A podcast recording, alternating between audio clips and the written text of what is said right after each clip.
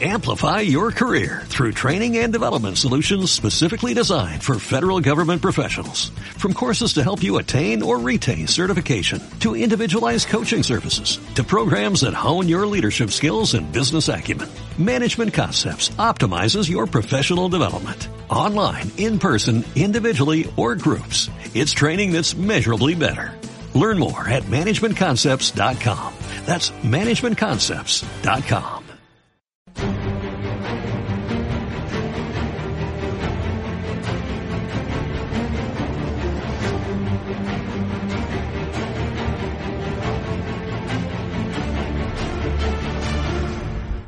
portes de Troia, amb Alberto Reche, Sergio Rodríguez i Albert Abril.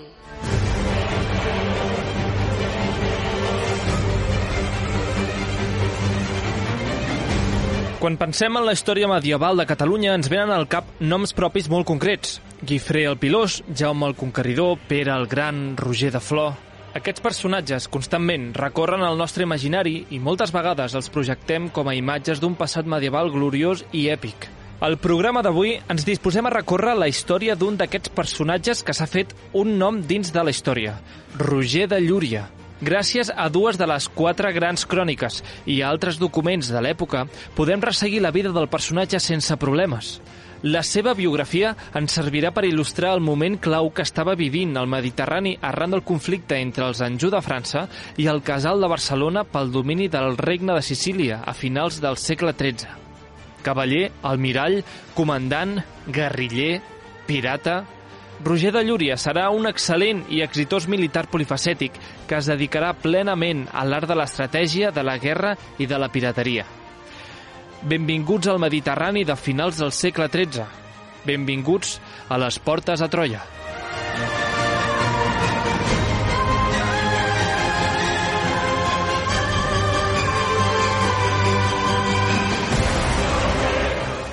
Benvinguts, benvingudes una setmana més a les Portes de Troia, el programa de ràdio d'història de la xarxa de comunicació local des dels estudis de Ràdio Castellar.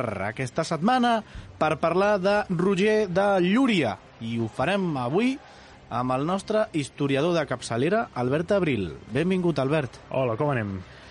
Albert, eh, dedicarem dos programes a parlar de Roger de Llúria. Tenim moltes coses a dir. Per tant, la pregunta inicial, en resum, en resum què podem dir de qui és Roger de Llúria? Bueno, primer de tot, que aquest cop avisem que farem dos programes, que és, és, és important tenir-ho en compte des del, des del començament, no? Uh, bé, Roger de Llúria és un, és, dir que és un programa, és un personatge històric que donaria per molts més programes, perquè és un personatge sobretot que ha estat molt, molt, molt mitificat per la historiografia catalana, no? A la recerca d'aquest passat èpic medieval, figures com Roger, ja ho comentava en Carlos a la introducció, no? Figures com Roger de Llúria, Roger de Flor, um, Guifré el Piló, Jaume el Conqueridor, són, són tot de personatges que estan al nostre imaginari i una miqueta la nostra feina és anar-los desgranant, anar-los explicant, no? recuperar-los, eh, tornar-los a explicar una, una altra vegada. Uh, bueno, sobretot per, perquè realment uh, ens sonen moltíssim, però coneixem molt poc de la seva història. Llavors seria molt interessant que personatges com ell, doncs, bueno, parlar-ne, no? Uh, clar, Roger de Llúria és un personatge que es dedica tota la seva vida a l'art de la guerra, és un gran estratega, un, al- l'al- l'almirall de, la de la flota aragonesa, ja ho veurem, uh, és cavaller, és cortesà, és diplomàtic, és, és totalment polifacètic, però també té una faceta de pirata. És a dir, Roger de Llúria acabarà sent considerat un almirall eh, despietat, perquè farà saquejos, veurem, segrestarà persones, segrestarà vaixells enemics. Un, un personatge que es, sap espavilar molt en el context de l'època, que veurem que de fet aquest programa ens servirà moltíssim també per explicar el context del mar Mediterrani de finals del segle, del segle XIII, que veurem que és un, és un context eh, superconvuls per les disputes que hi ha amb Sicília, eh, entre Wells i Gibelins, eh, els conflictes que hi ha entre la corona d'Aragó i els Anjou... Bueno, és, és, un, és un panorama fascinant en el qual hi encaixa molt bé un personatge fascinant com Roger de Llúria.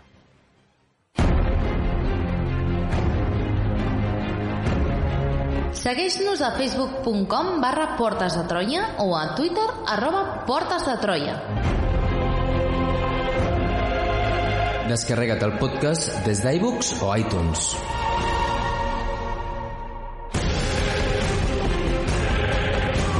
I descobreix tots els continguts del programa a la nostra pàgina web www.portesdetroia.cat.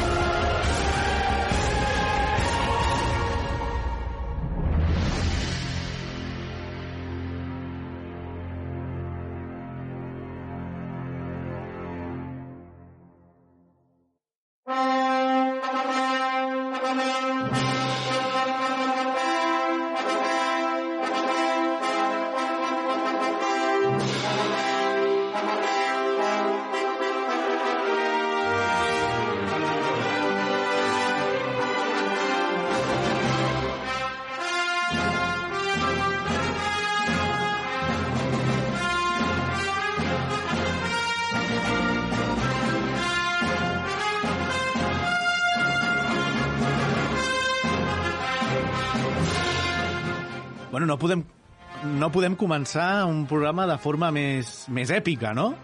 Sí, de fet, la música aquesta està pensada superexpressament perquè uh, una de les primeres aparicions de Roger de Llúria veurem que es fa en un context on podria sonar perfectament aquesta, aquesta música d'un tro reial, no? Uh, en aquest cas d'una galàxia molt llunyana, però en el cas del programa d'una cort molt propera. Molt bé, i aquesta biografia tan ambiciosa com, com l'abordarem? Bueno, el... ja m'he avançat una miqueta a la pregunta inicial, no? però a través del personatge Roger de Llúria eh, parlarem una miqueta del context de l'època, de la importància de l'illa de Sicília com el cor del Mediterrani, parlarem també sobre el conflicte entre Wells i Gibelins, aquests dos partits, aquestes dues faccions que enfronten el papa de Roma i l'emperador del Sacre Imperi, uh, i també parlarem uh, sobretot per al conflicte d'interessos que hi ha sobre l'illa de Sicília a partir de les vespres sicilianes, no? que és, és un, un episodi molt famós i molt potent de la història de, bueno, la història del Mediterrani com, com a tal. Um, com ens hi acostarem? Doncs sobretot a través de, de les cròniques de Bernat Desclot i de Ramon Montaner, que són dues, grans, bueno, dues de les gr quatre grans cròniques de la, de la història medieval de Catalunya, que són importantíssimes perquè ens aporten moltíssima informació, sempre i quan tenint en compte que les cròniques tenen un valor didàctic i sobretot també pro uh, propagandístic. Llavors, contrastant amb altres fonts, doncs podrem assolir um, una veritat una miqueta més objectiva entre, entre moltes cometes. Uh, llavors, clar, la vida de Roger Llúria veurem que és una vida molt moguda.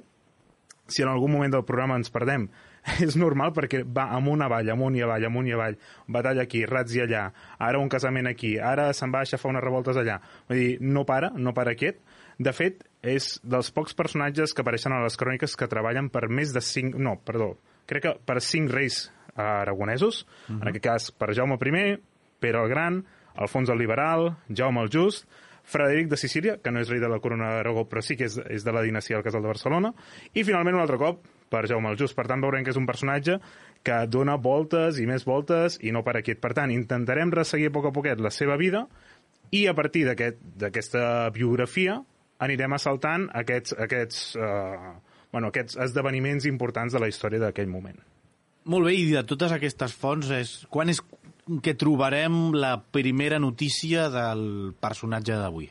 La primera notícia eh, ens l'hem d'imaginar amb la música de la introducció, el dia 13 de juny de l'any 1262, a l'església de Santa Maria de les Taules a Montpellier. Uh, en aquest, aquest dia va ser un dia importantíssim per, la, per el que seria la corona d'Aragó, ja que celebraven les noces de l'infant Pere, fill de, de Jaume el Conqueridor, i Constança de Sicília. Uh, l'infant Pere, que seria el futur uh, Pere el Gran, era el fill de Jaume I el Conqueridor i l'havia de succeir en, els, en el govern dels seus estats a la seva mort. Recordem, però, que quan Jaume I mor, eh, no acumula tots els seus estats en l'herència del primogènit, és a dir, de, de Pere, sinó que el que fa és a Pere donar-li el comtat de Barcelona, el regne d'Aragó eh, i el regne de València, i a Jaume el regne de Mallorca i el comtat de Perpinyà, que veurem que això és important per entendre gran, gran part del, del programa. Per altra banda, eh, tenim a la princesa Constança, que era filla del rei Manfred de Sicília, de la dinastia dels Hohenstaufen, que veurem que és una dinastia super rellevant per entendre tot el context que ja està ben eh, en joc a la geopolítica del moment, vale? perquè veurem que són uns personatges que havien estat emperadors del Sacre Imperi Romano-Germànic, que passen a ser reis de Sicília, i que arriba un moment concret que la dinastia desapareix totalment. Però gràcies a Constança, gràcies a aquesta petita llavor que serà ella, i gràcies a aquest casament, doncs veurem com la història de Sicília eh, evolucionarà moltíssim i canviarà moltíssim. Per tant, estem parlant de, de, de, bueno, del tipus d'enllaç matrimonial estratègic de, de l'època, oi? Una de les formes que es tenien per, bueno, per sumar territoris, interessos... Totalment, era un matrimoni que estava molt, molt, molt ben pensat per, per Jaume I. Um, clar, aquest matrimoni de, Pere, de l'infant Pere, el fill de Jaume, amb Constança, amb Constança de Sicília, donava drets sobre Sicília gràcies a, a la dinastia de, de Constança. I, seria, uh, i, I, de fet, seria la llavor de moltíssims conflictes que existirien entre el casal de Barcelona i els Anjou de França, els, els ducs d'Anjou, que eren una noblesa altíssima no? de, de dins del rei de França. Uh, de fet, mentre aquest matrimoni s'estava celebrant, els qui s'estaven mossegant els llavis i apretant els punys eren precisament uh, la cort de França, a la cort de Provença i també als estats pontificis, que de fet hem d'entendre que també en aquest moment, a la segona meitat del segle XIII, bueno, de fet, durant tot, gairebé tot el segle XIII, els, els estats pontificis, el papa, és com un braç més polític de, del regne de França, perquè són gairebé aliats i tot el que fa el papa és a favor no, del, del rei de França. Um, tampoc ens ha d'estranyar que Jaume I aposti per una, reina, per una princesa siciliana, ja que el seu pare, uh, Pere el Catòlic, havia perdut a la batalla de Moret, Recordem la batalla de Moret, que és aquella que el Pere el Catòlic mor a la primera càrrega de cavalleria de la batalla, uh, i és un moment en què es solapa no, la croada contra els càtars, la, les reclamacions que té Pere el Catòlic sobre el territori d'Occitània i que lluiten contra el regne de França. En aquesta batalla, uh, Pere el Catòlic uh, mor, i una de les condicions d'aquesta derrota és que el, la dinastia uh, aragonesa o, o del Casal de Barcelona, si volem, eh, havia d'abandonar les seves reclamacions cap al nord de Catalunya, per tant, abandonar les reclamacions que tenia sobre el territori d'Occitània. I Jaume I veiem com, després de tot això, el que fa és començar a expandir-se cap a una altra banda. S'expandeix cap al sud, és a dir, cap al Regne de València, s'expandeix cap a Mallorca, i segurament amb aquest casament ja el que pretenia era posar la seva mirada més enllà del Mediterrani, i era arribar ja cap a Sicília. Ja que no podem anar més enllà dels Pirineus, ens haurem d'expandir cap a una altra banda, que serà cap a Sicília. Molt bé, i uh, Sicília, tu ara mateix ho mencionaves, què té d'especial aquesta illa? Bueno, és l'illa que és el cor del Mediterrani, és just al vell, mi, al vell mig del meollo de, de tot el Mediterrani. I a més és un lloc on passen moltíssimes coses importants al llarg de la història. De fet, per, per fer un mini repàs, això seria molt interessant dedicar-hi un programa a la història de Sicília perquè és, és, un, eh, bueno, és un punt on es barregen moltíssimes cultures al llarg de la història. Per exemple, um, Aquí al, al programa de les Portes de Troia hem parlat diversos cops de les guerres púniques. La primera guerra púnica té lloc a Sicília, i és per Sicília, perquè ja es descobreix que és un punt superestratègic. De, de ser també és un punt clau quan els bizantins s'intenten expandir cap al Mediterrani occidental. És un punt clau quan els musulmans volen conquerir tot el Mediterrani. Al 1060, les dinasties normandes conquereixen la illa de Sicília, no? que és el moment aquest d'expansió dels normands que es converteixen en reis d'Anglaterra i també arriben a la illa de Sicília, ah, es barregen unes cultures eh, totalment diferents. Després de la conquesta normanda es fusiona la dinastia normanda amb la dinastia del Sacre Imperi i, per tant, Sicília començarà a formar part dels Hohenstaufen, que són els que hem, que els que hem comentat. Posteriorment serà els francesos, eh, avui, avui en parlarem d'això, i després serà els catalans o aragonesos, si volem. Um, per tant, és un lloc, no? es construeix una, una cultura, una illa, on es, parla, on es parla grec, on es parla llatí, on es parla francès, on es parla alemany, on es parla uh, francès, bueno, que veurem que és, bueno, és, és que és fantàstic, perquè si anem a Palerm, per exemple, a visitar la, el, el Palau Reial, si entrem a la Capella Palatina, la Capella Palatina té uns mosaics típicament bizantins, però en canvi té un sostre normand, no? té un sostre de fusta, a, a dues aigües, que és per, que perfectament podríem estar en una església de, de, de Normandia o, o inclús a molt, molt, molt estirar a, un, a una sala del, de l'hidromel viking. És a dir, és, és una passada la, la confluència de cultures que hi ha en una sola illa, en un sol territori. Um, també s'ha de dir que Sicília és un punt molt estratègic a l'hora de fer guerres. És el punt des d'on, per exemple, el Gran Capitán, quan vam parlar del Gran Capitán, és des d'on comença la seva campanya italiana cap al nord. És des d'on, a la Segona Guerra Mundial, els britànics comencen a conquerir des, de, des del nord d'Àfrica, comencen a conquerir Itàlia. Um, és des d'on... Està Corleone, també. Es, està Corleone, home, això, això per descomptat. Uh, és el punt també on Roger de Llúria no? viurà les seves grans experiències a la mar. I és el punt neuràlgic de final eh, d'això, de, de la segona meitat del, del segle XIII. És, és on hi haurà Igual que ara tothom està pendent d'Ucraïna i Rússia, del, del que està passant, en aquell moment tothom Fins estava i tot pensant... Joe Biden, eh? Fins Encara que tot- no ho sembli. Ja, està dient massa poca cosa pel meu gust, aquest senyor. S'està dosificant. Ja, Eh, no, no, sé, no sé què pensar jo. Però bé, uh, si Joe Biden estigués en aquell moment, en comptes de dosificar-se pensant en, en, en Rússia i Ucraïna, es Voldria dosificaria conquerir Sicília. Sicília, en aquell moment, era, era la clau. Molt bé. Eh, Tornem, a, reprenem el fil del nostre protagonista perquè ens ha remès al casament entre eh, Constança i, i Pere. Mm, com encaixa Roger de Llúria en tot això?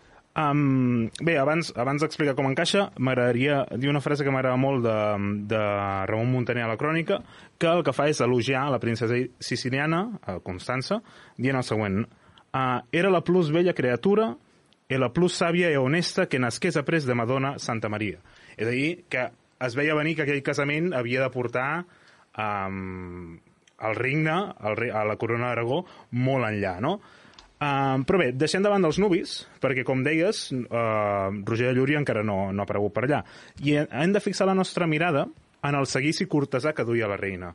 Clar, el, el matrimoni, se suposa que el, la reina i el, i el rei començaran a viure junts, uniran les seves corts i uniran els seus seguicis. Uh, per tant, cadascú portava un seguici de nobles, cortesans, servents, consellers, uh, tota una munió de persones.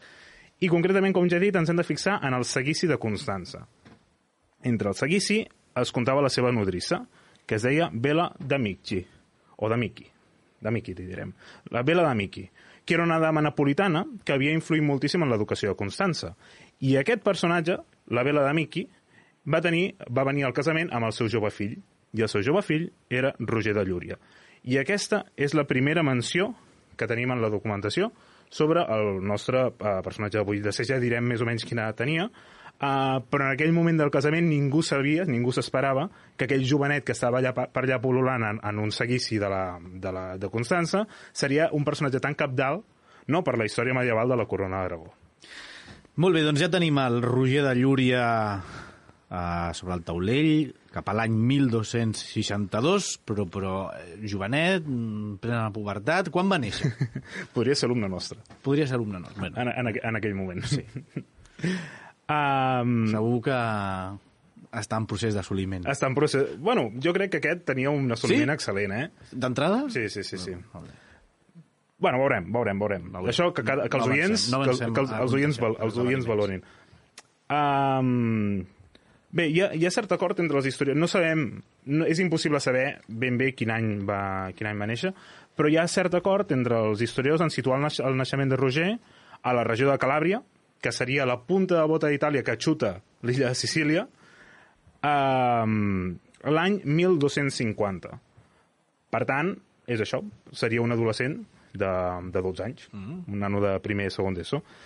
Um, la família de Roger de Llúria sabem relativament poca cosa, sabem que la seva mare, com ja l'hem presentat, Bela d'Amici, formava part del seguici de la cort de, de Constança, i un personatge que anirà sortint recurrentment en aquesta història, um, però un personatge clau per entendre la història de Roger és el seu pare. Ai, de Roger no, de, de, sí, de Roger de Llúria, és, és el seu pare, que també es deia Roger, que era un distingit cortesà de Manfred, que Manfred era de la dinastia dels Hohen, uh, Hohenstaufen de, i era el rei de Sicília. En, aquell, en el moment del casament, ell és rei de Sicília. Uh, Manfred, eh? I el pare de, el pare de Roger és un, és un servent seu. Um, què passa? Que Manfred, és a dir, el rei de Sicília, i, i Roger pare, van morir en mans dels francesos a la batalla de Benevento de l'any l'any 1266, és a dir, quatre anys després del casament. Que això és una dada molt important vale? per, per, bueno, per entendre tot el que ani- anirà passant al llarg del programa. Uh, quan, uh, quan Manfred i Roger, Roger pare, moren en aquesta batalla combatent contra els francesos, um, Roger, de, Roger de Llúria tindria més o menys 16 anys. Molt bé, doncs parla'ns una miqueta més de, de Roger Pare i del rei Manfred de Sicília. Per què van entrar en guerra contra, contra França? Uh, bé, Uh, per entendre això, és una miqueta uh, és una miqueta complicat perquè ens hem, ens hem d'endinsar en el conflicte entre Wells i gibelins, però bé, um, per fer-nos una idea bàsica, no? Uh, Se'ns presenta un nou personatge, que, com no, és un francès, que la ve a, a liar per terres sicilianes, que es diu Carles d'Anjou, que era fill del rei de, del rei de França.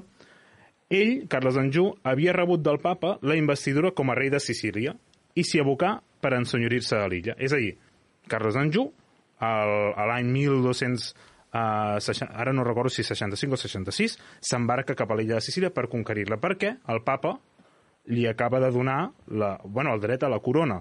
Uh, Sicília tradicionalment era un feu papal, és a dir, que el papa de Roma podia escollir el rei de Sicília. Per tant, el que havia fet el papa era excomunicar Manfred, Manfred, el, el rei de Sicília, mm -hmm.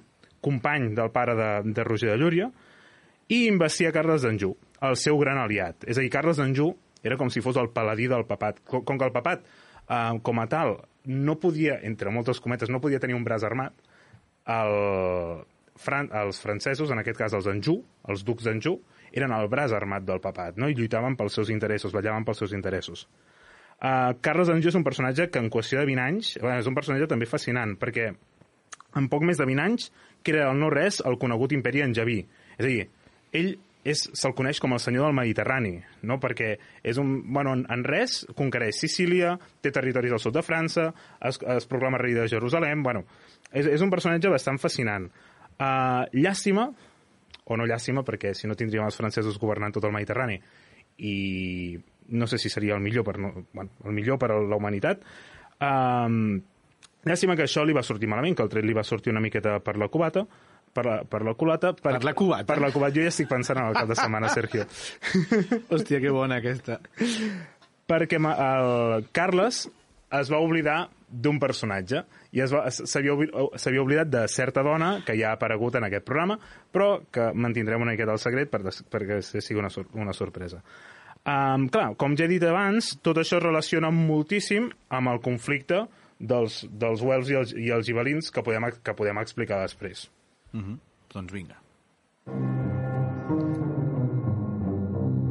A les portes de Troia, la història a la ràdio.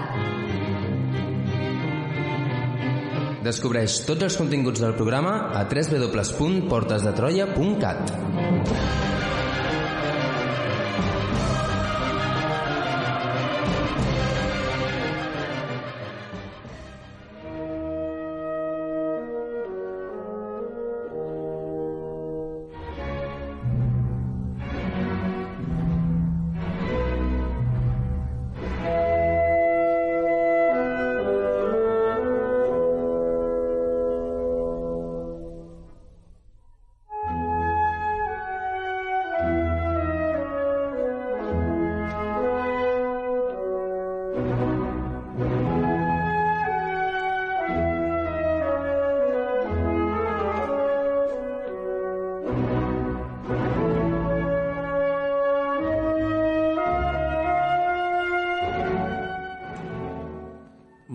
doncs amb les vespres sicilianes de Verdi entrem perfectíssimament perquè ens facis una miqueta de 5 cèntims sobre aquest conflicte entre Welfs i Gibelins que ens estàs mencionant fa estona i que està surant per aquí per l'estudi. Um, és un conflicte una miqueta eh, complex, com tots els conflictes que es viuen arran de l'imperi uh, de l'imperi germànic, no? Però ens l'hem d'imaginar una disputa entre dues faccions que va tenir lloc entre els segles eh, 12 i 13, més o menys. L'origen d'aquest conflicte es podria remuntar inclús a la querella de les investidures, que va tenir lloc al segle XI, en què l'emperador i el papa es disputaven qui havia de proclamar els bisbes no, de, de l'imperi, si el papa, és a dir, l'autoritat religiosa, o l'emperador, que era l'autoritat terrenal. Uh, això, vosaltres, uh, Alberto i Sergio, li vau dedicar un programa al, al 278, per tant, remeto als oients que si mm. volen conèixer més sobre la querella de les investidures, uh, escoltin aquest programa. Llavors, en el conflicte dels Guels i els gibelins, òbviament tenim dos bàndols. Per una banda tenim els Guels, que eren els partidaris del, del papat, uh, i per altra banda tenim els gibelins. Els partidaris del papat tenien el seu paladí, que era Carles d'Anjou, o en general els Anjou de França, i els gibelins eren els partidaris del Sacre Imperi eh, Romano-Germànic, que en aquest cas era, eren els Hohenstaufen, que són els que ja hem anat mencionant. Per tant, aquí ens hem d'imaginar que Manfred, rei de Sicília, del que ja hem estat parlant, mm -hmm. és gibelí. És, de fet, és l'últim membre de la dinastia Hohenstaufen. Um, clar, en aquesta disputa es barallen, no? Qui té més poder a Europa? Qui és el papa d'Europa? El papa de Roma o l'emperador del Sacre Imperi Romano Germànic? És com reviure el conflicte amb altres protagonistes. Uh, sí, sí, sí, sí, sí. Estem, estem, estem allà mateix. Uh, L'únic que, clar, en aquest conflicte, cada príncep europeu busca el millor per ell mateix. És a dir, alemanys contraris a l'emperador s'alien amb el papa. Italians contraris al papa s'alien amb l'emperador, no? Per tant, ja ens podem imaginar que és un conflicte que no és ben bé una guerra oberta, sinó que dins del propi conflicte hi ha diverses guerres, diverses batalles, divers, bueno, moltes coses, uh, canvis d'aliances, ciutats, mil ciutats independents italianes fent, fent de les seves, i just dins d'aquest conflicte és on s'emmarca la que hem anomenat la batalla de Benevento del, 1200, del 1266, que serà una batalla clau perquè els Hohenstaufen perdran el domini de Sicília i uh, Carles Anjou es reconeixerà com a rei de Sicília. Per tant, Sicília passarà a formar part de, del patrimoni de, de, dels Anjou. Um, Carles Anjou en aquell moment, uh, quan elimina a Manfred, el rei Manfred, és, és un moment clau perquè um, havia eliminat tots els enemics del papat. O sigui, és un, és un moment que sembla que els Wells s'hagin imposat i que no hi hagi possibilitats de que els gibelins recuperin Sicília, per exemple. Uh, però s'oblida de la dona que ja hem dit abans, que és Constança de Sicília, que s'acaba de casar quatre anys abans amb Pere el Gran. Mm. Constança de Sicília serà la peça clau de tot aquest enfrontament perquè serà l'oportunitat de, dels sicilians per recuperar la independència de la seva illa. I l'oportunitat també de Pere el Gran per adquirir un nou regne, per adquirir una nova possessió tan preuada dins del, dins, del el, el Mediterrani. Clar, arran de la mort de Manfred i del seu pare, a la batalla de Benevento, Roger de Llúria, el nostre protagonista, llavors ja queda 100% lligat a la cort del príncep Pere i de la uh, princesa Constança. Doncs ja tenim a, a Roger a la cort de l'infant Pere. I què hi farà allà? Quin paper jugarà? Uh, bé, uh, com, he, com ja hem anat dient, no, uh, allà ell hi anirà creixent, s'anirà formant a la cort de Pere i de, de Constança. Recordem que ell forma part del seguici de Constança i s'hi formarà al costat de la seva mare, de uh, Bela Miki. Allà es va educar amb el que ja ens veiem a venir tots, que és en la, en la carrera de les armes. Um, en aquest grup de seguidors de, de Constança hi hem de comptar tota una sèrie d'exiliats sicilians que després de que Carles d'Anjou conquerís la, el regne de Sicília el 1266, fugen de Sicília, tot de nobles sicilians, i es refugien on hi ha l'única persona viva de la dinastia Hohenstaufen, que és Constança. I, per tant, en aquest seguici s'hi compten a Roger de Llúria, a dos orfes uh, emparentats amb la princesa, que seran Conrad, un gran amic de Pere, i Margarita, que serà la futura esposa de... Uh, perdó, gran amic de Pere no, gran amic de Roger i Margarita, que serà la futura esposa de Roger, també, que eren de la família Llança, que eren uns italians molt famosos per les seves gestes d'armes. Um, I a part d'aquests personatges que són importants en la història, hem de sumar-hi el que està avançant abans de tot un, seguici, uh, tot un seguit de refugiats uh, sicilians que el que volen és recuperar el seu regne de Sicília de, de mans franceses i també de mans de qualsevol altra potència estrangera com podria ser el papat o podria ser el Sacre Imperi. Um, dins de, del... Tornem a Roger, no? Um, dins de l'estat de Roger dins la cort, sabent que el 1269 va participar en un viatge amb Jaume I, que actual rei de la Corona d'Aragó, i amb l'infant Pere fins a Toledo, on va conèixer el rei Alfons el Savi, que estava casat amb Violant, que era la germana de Pere i filla, i filla de Jaume. Llavors, allà va tenir lloc, eh, que està molt, molt ben descrit al llibre dels Fates, uh, una trobada molt bonica en què hi ha, o sigui, ens hem d'imaginar una taula, un sopar de Nadal, no sé si era Nadal o no, però un sopar de Nadal on hi havia lo més grande de la península ibèrica, i és que Jaume I va reunir els seus familiars. Per una banda tenim, òbviament, Jaume I, tenim l'infant Pere, que és el futur rei d'Aragó i de València i comte de Barcelona, tenim a l'infant Jaume, que és el futur rei de Mallorca i comte de Perpinyà, tenim a Violant, que és la reina de Castella, tenim a Sants, que és un altre germà, que és el bisbe de Toledo. És a dir, en aquella taula s'hi concentrava un poder a la, a la península ibèrica brutal i tots estaven lligats per al mateix personatge, que era Jaume I. Déu-n'hi-do. Com Déu-n'hi-do, valoraven, com valoraven a Roger de Llúria dins la cort? Com era vist? Eren molt, eren molt, molt, molt volguts. Uh, tant Jaume com Pere els fan uh, donació de terres, a, de terres, sobretot en el Regne de València. Uh, Ramon Montaner ens explica com va ser educat en l'art de la política, l'art de la guerra, uh, en els seus anys en la cort, no? I també ens explica molt detalladament com el seu gran amic, el, el, el príncep Pere, l'arma cavaller. I just després d'armar-lo cavaller, li dona l'esposa Margarita, no? Uh, l'òrfera, l'orfa aquella, que hem mencionat que també formava part de la, de la, del seguici de Constança, que és d'una dinastia italiana. El casament va tenir lloc l'any 1273 i les fonts ens parlen molt bé d'aquest matrimoni, que van tenir, si no m'equivoco, si no, si no m'equivoco ara, van tenir tres fills, un, un noi i dues noies. Per tant, 1273, ara per ara, tot bé. Perfecte. Ja tenim a Roger armat, cavaller i casat. Quines van ser les seves primeres empreses militars, Albert? Bé, el, el 1275 és un any clau pels sarraïns de la península ibèrica. Uh, els sarraïns fan certs avenços, guanyen diverses batalles, maten a personatges importantíssims dins dels regnes cristians, i aquests fets el que fan és animar a una revolta de sarraïns al regne de València. I això serà Uh, sufocar aquestes revoltes, de fet, serà l'últim que Jaume farà, que Jaume el Conqueridor farà, farà en vida perquè Jaume ja vell, ens hem d'imaginar un personatge, no sé si tenia se- 70 anys en aquell moment, anant a València a sufocar totes aquestes revoltes. Um, què fa? El 1275 um, esclaten les revoltes, Jaume hi va de seguida i demana l'ajuda de Pere, l'infant Pere, el seu successor.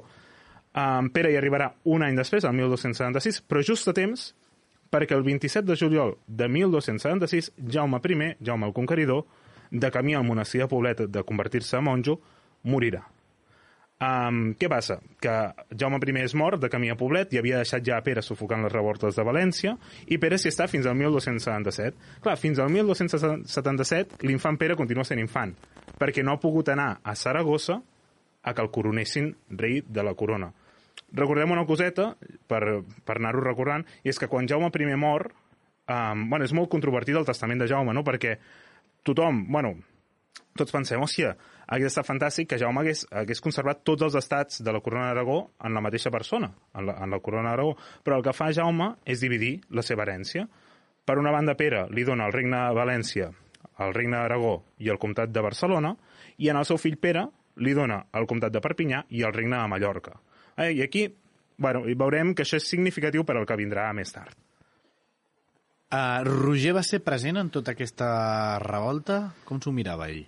Ell s'ho mirava des de molt a prop, en aquesta revolta dels serreïns a, a València. Sabem que ell era eh, present tota l'estona, combatent per Jaume I i també per al, per al seu fill, i ho sabem bàsicament perquè hi ha molts documents en el que se li fan concessions, no?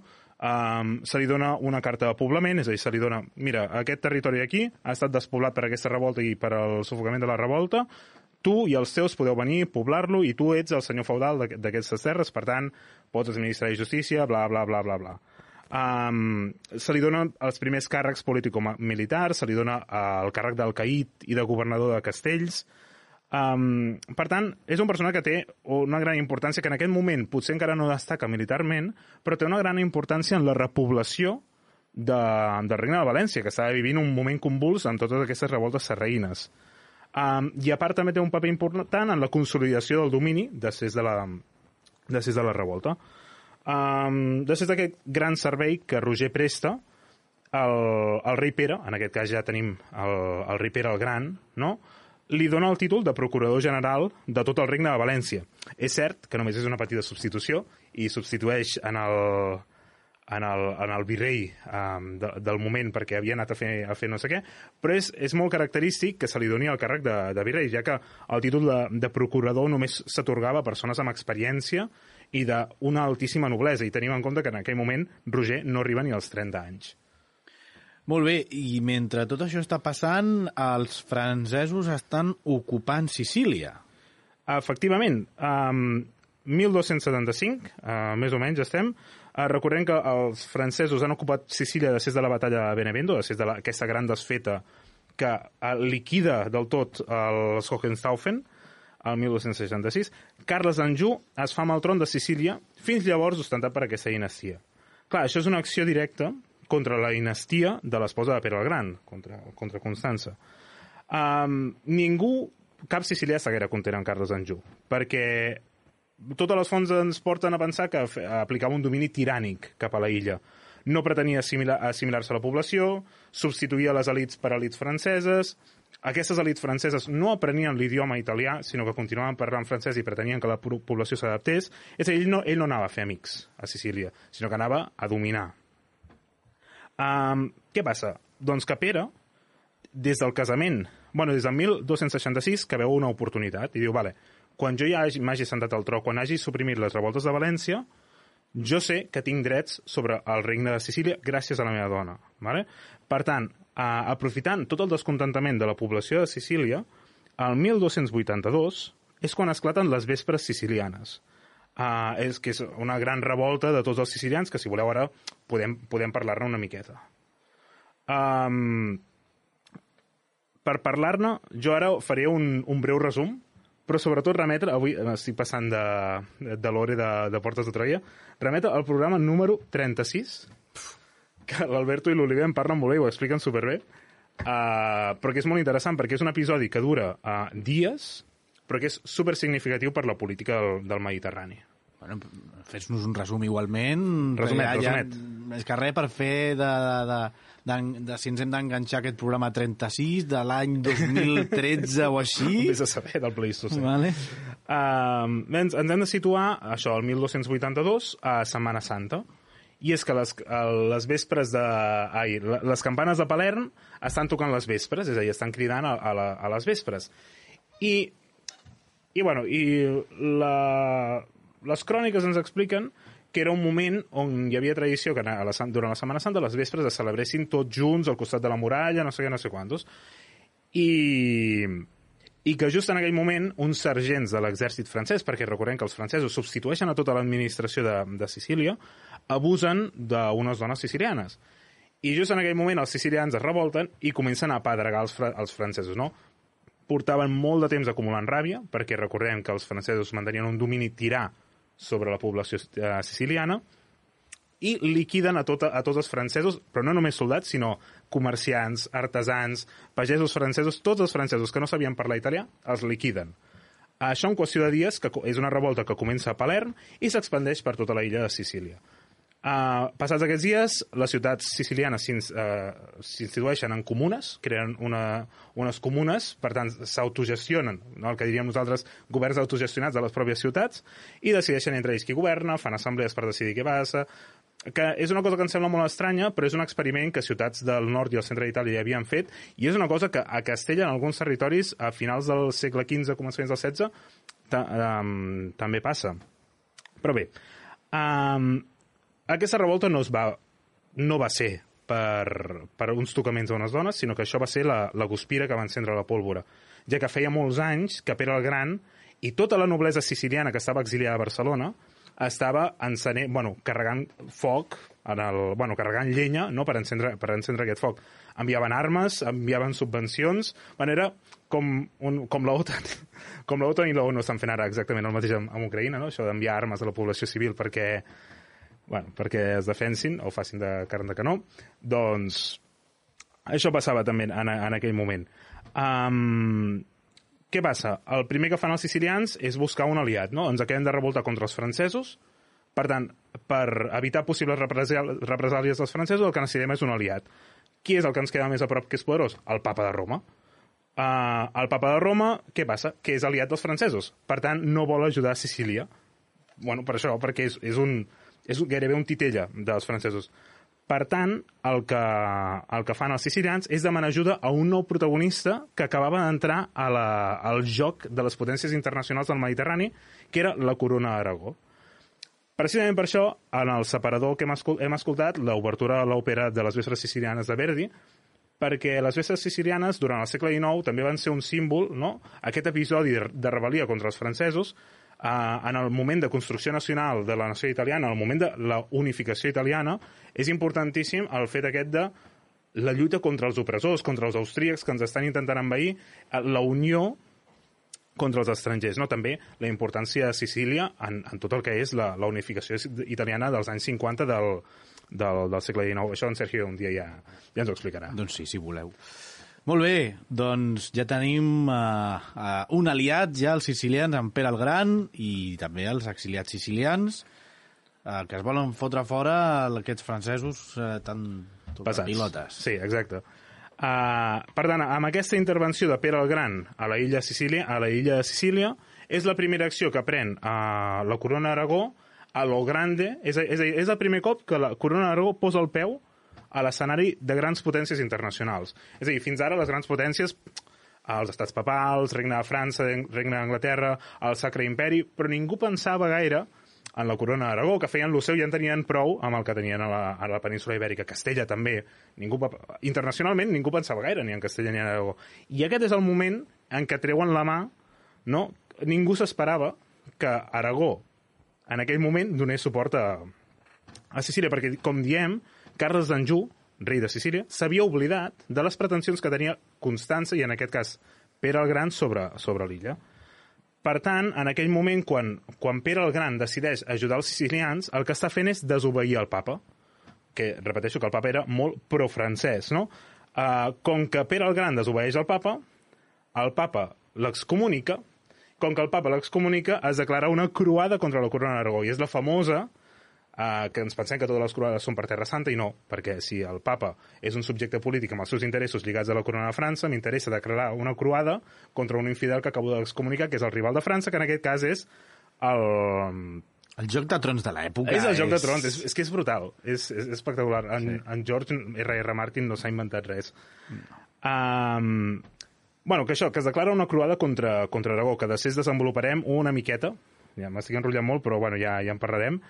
Uh, I és molt divertit perquè Carles d'Anjou en aquest moment repta, és a dir, desafia a Pere el Gran a un fet d'armes de, per decidir qui serà el rei de Sicília. 100 cavallers francesos contra 100 cavallers aragonesos i és conegut com el desafiament de, de Bordeus. Uh, Roger de Llúria hi hagués combatut en aquest desafiament, però és un duel que mai acaba tenint lloc per circumstàncies bastant divertides que ara no explicarem. A les portes de Troia. Descobreix la teva història.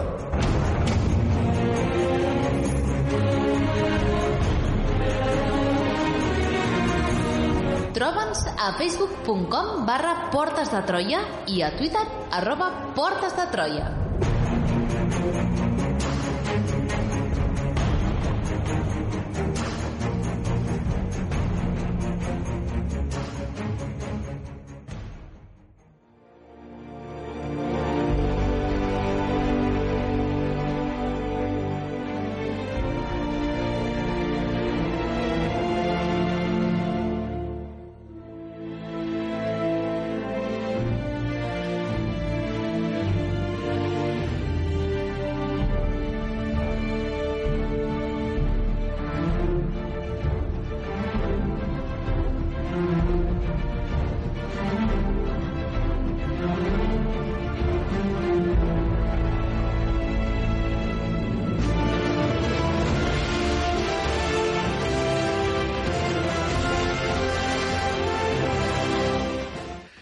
Recte final del programa, ho hem deixat amb el Roger de Llúria, sense saber ben bé quin és el seu paper en aquesta batalla per Sicília i aquesta mm, famosa cançó de Pirates del Carib que està sonant per alguna cosa que ara eh, l'Albert ens explicarà també. Correcte, de fet està sonant Pirates del Carib precisament perquè en aquesta campanya de Sicília serà quan Roger de Llúria comença a valdre's i a guanyar-se un renom a alta mar. És el llop és el llop del mar, és el llop de les galeres, és, és un pirata i ara veurem, i ara veurem per què.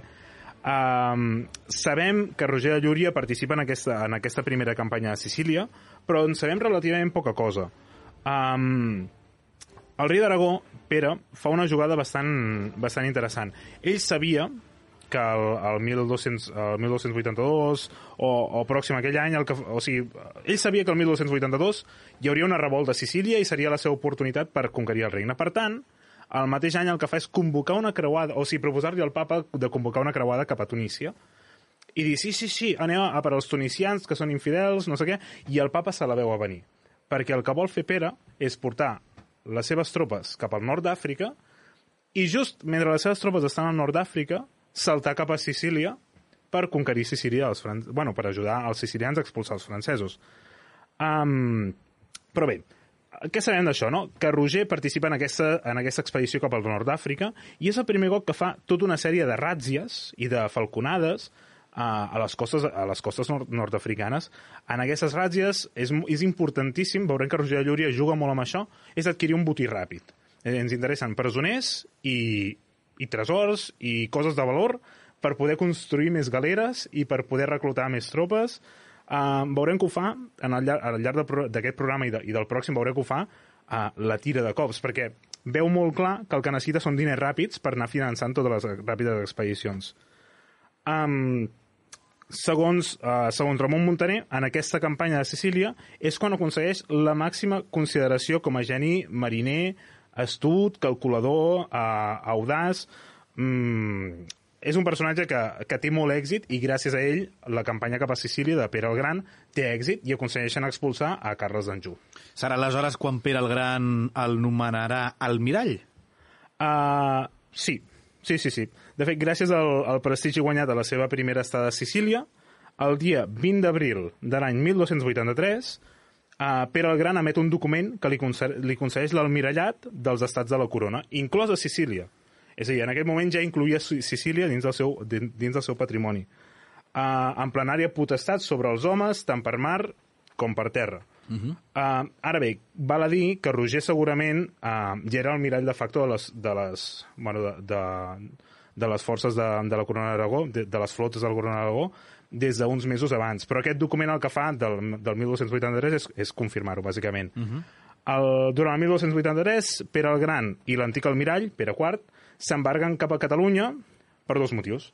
Primer motiu, preparar-se per al duel contra Carles d'Anjou, aquest duel, aquest desafiament de Bordeaux, de Bordeaux, uh, de 100 cavallers contra 100 cavallers, però també preparar-se perquè es veia venir el pitjor. I és que Pere el Gran havia declarat la guerra al rei francès de Sicília contra Carles d'Anjou. Qui havia posat a Carles d'Anjou en la corona de Sicília? El papa. Per tant, si Pere el Gran està atacant el rei que havia col·locat el papa, què fa el papa amb Pere el Gran? Excomunicar-lo. Sí? Que és el que ja hem avançat abans de la croada contra la, la, la corona d'Aragó. Um, per tant, Pere el Gran el que, es fa, el que fa és dir, vale, um, ja he conquerit Sicília i deixo, no han acabat les hostilitats, i deixo a, a Roger de Llúdria, ai, anava a dir de Llúdrica, i deixo a Roger de Llúria, que és un home de, és un personatge de, de confiança, i el deixo a les ordres de Constança. Per tant, Pere el Gran se'n torna a Barcelona per preparar-se per una possible ofensiva francesa i a, a Sicília hi deixa a Roger de Llúria a les ordres de Constància, de Constança amb els infants Jaume, Violant i Frederic, que Jaume i Frederic apareixeran més endavant perquè seran futurs reis, un de Sicília i l'altre de d'Aragó, que aquests són els fills de Constança i de Pere. Um, clar, acabes de deixar sota les ordres d'una siciliana convençuda com és Constança el millor almirall que hi ha ara mateix al Mediterrani eh, davant de la flota de galeres més avançada tècnicament de l'època, que era la flota aragonesa. Uh, potser no era la més poderosa, però sí que era la, la que comptava amb uns vaixells i amb uns equipaments més, per alguna manera, més, més desenvolupats. Així que és la combinació perfecta. Uh, sí, sí, ja tenim, aleshores, amb en Roger mm, fet tot un almirall. I la seva història a partir d'ara com continuarà? Bé, arran d'això, no, el tenim 1283, el tenim a, a Sicília, sota les ordres de Constança, uh, i el que fa és dedicar-se a, bueno, a continuar les hostilitats contra els Anjou, que havien continuat després de Pere marxés cap a, cap a Catalunya. Um, I el que va fer, sobretot, és um, guerres, bueno, té victòries tant a terra com a mar, però ell, sobretot, Roger de Llúria, el que fa és vigilar les costes de, de Sicília. I ens hem d'imaginar, cada cop que apareixia una flota francesa, Roger de Llúria ja hi era dues hores abans, esperant-los per fer-los una emboscada o atacar-los. De fet, el mateix 1283, al juny, hi haurà la seva, bueno, tindrà lloc la seva primera gran gesta quan va conquerir les illes de Malta i de Gozo, i són dues gestes que Desclot i Montaner ens la relaten amb pèls i senyals. Com serà aquesta batalla per això, Albert? Uh, ens hem d'imaginar que hi ha tot de galeres franceses que estan rodejant la illa de Malta per socórrer els assetjats que estaven patint un setge uh, de, dels catalans o dels aragonesos. I què passa? Que mentre estaven vorejant la illa, Roger de Llúria se n'assabenta i el que fa és anar a trobar les naus enemigues. Però què passa? Se les troba de nit, distretes, i aquí hagués tingut l'opció d'atacar. Però Roger de Llúria ens expliquen les cròniques que el que fa és esperar-se al matí per tenir una batalla valerosa i noble, enviant-nos abans una sol·licitud de rendició. Uh, no sé si això és verídic o no, però si, si, no, si més no queda molt èpic, no? M'espero a que demà, amb la llum del dia, tots podem lluitar en igualtat de condicions. Mm. Um, però bé, la batalla té lloc entre el matí i el migdia, se'ns explica que és una gran batalla, i també se'ns explica una cosa curiosa, i és que, eh, clar, ens hem d'imaginar que les batalles navals medievals, òbviament hi ha, un, hi ha intercanvi de projectils, eh, ens hem d'imaginar les galeres que el seu objectiu màxim és envestir-se entre elles, però també es, es converteixen en, en batalles terrestres, perquè quan tu abordes el, el vaixell contrari hi ha un combat cos a cos. I se'ns explica a les cròniques que, precisament, a Roger, combat cos a cos contra l'almirall francès. Roger és ferit per la llança de l'almirall, però aconsegueix travessar el pit de l'almirall francès amb la seva pròpia amb la mort de l'almirall francès i la desfeta que estava tenint lloc entre les naus franceses, això va ser una victòria aplastant contra, contra la flota francesa eh, i papal, perquè recordem que França i, pa, i papat en aquest conflicte anaven junts. I després d'aquesta victòria, què farà, què farà Roger? Um, després de les seves accions a Sicília, uh, Roger uh, torna a dirigir falconades, és a dir, ràtzies navals, no?, per les costes de Nàpols, en aquell moment Nàpols està sota l'òrbita de França. Recordem en la batalla del riu Cefis que part de la noblesa que va lluitar en aquesta batalla, noblesa francesa ve de Nàpols, són noble, nobles francesos, no? Uh, què, fa, què fa Roger? Doncs saquejar les costes, obtenir botí i, sobretot, robar galeres franceses, perquè construir una galera, armar una galera, un estol de galeres, és caríssim i requereix molts especialistes i molts materials, i llavors surt molt a compte robar galeres enemigues. Llavors, això és exactament el que fa durant aquell temps. Uh, curiositat, tot això de les ràtzies i de les falconades no apareix a les cròniques. Home, clar, no sigui cas. No fos cas que un personatge que s'espera al matí per lliurar una batalla abans d'atacar-los desprevinguts estigui saquejant unes costes i d'aquí ve el seu nom d'Almirall Despietat perquè, clar, es, està liquidant poblacions civils, està assaltant pobles, està assaltant ciutats. Però bé, Uh, si ens tornem a situar la història, al maig de l'any següent, el 1284, Constança va fer preparatius per evitar una invasió francesa. Clar, els francesos no es queden iguals després d'aquesta gran derrota. Um, què fa Constança? Ordena que es prenguin diverses fortaleses de Calàbria. Recordem que Calàbria és de l'Itàlia continental, tocant, a, tocant a, a Sicília, i ordena que Roger armi una nova flota. En aquest punt, en aquest punt en què Roger està armant una nova flota i estan prenent possessions a Calàbria, Desclot ens explica, bueno, de fet transcriu una arenga, un discurs, tipus William Wallace, que fa Roger de Llúria a les, a les seves tropes. Um, la flota francesa s'estava concentrant a l'illa de Capri, aquesta invasió que s'esperaven, i allà Roger els va anar a trobar.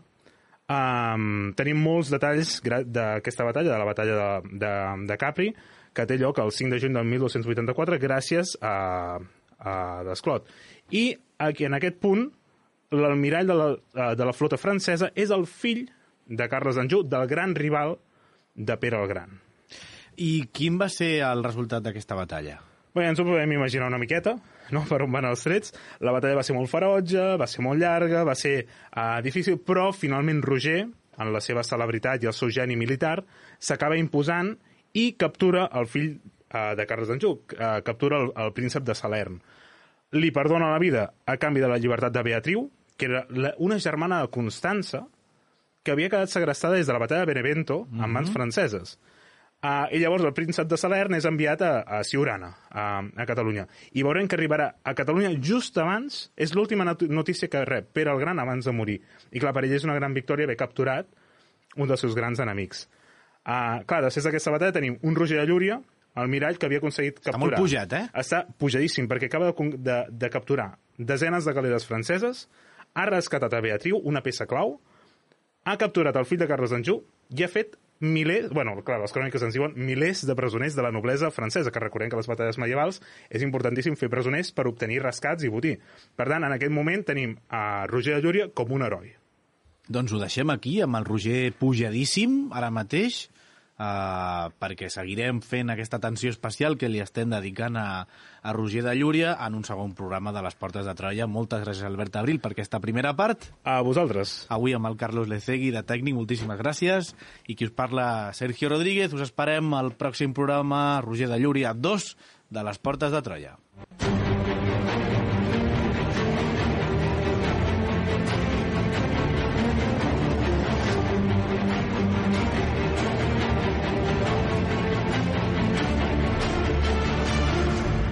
Les portes de Troia, amb Alberto Retxe, Sergio Rodríguez i Albert Abril.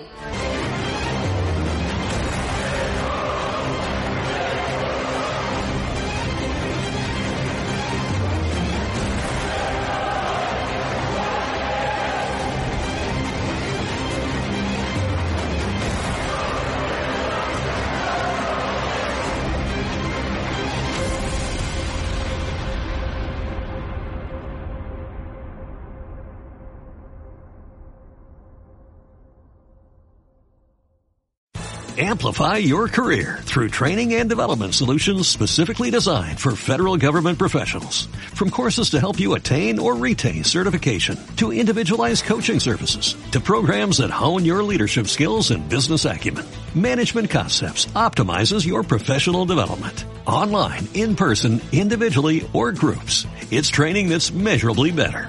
Learn more at managementconcepts.com. That's managementconcepts.com.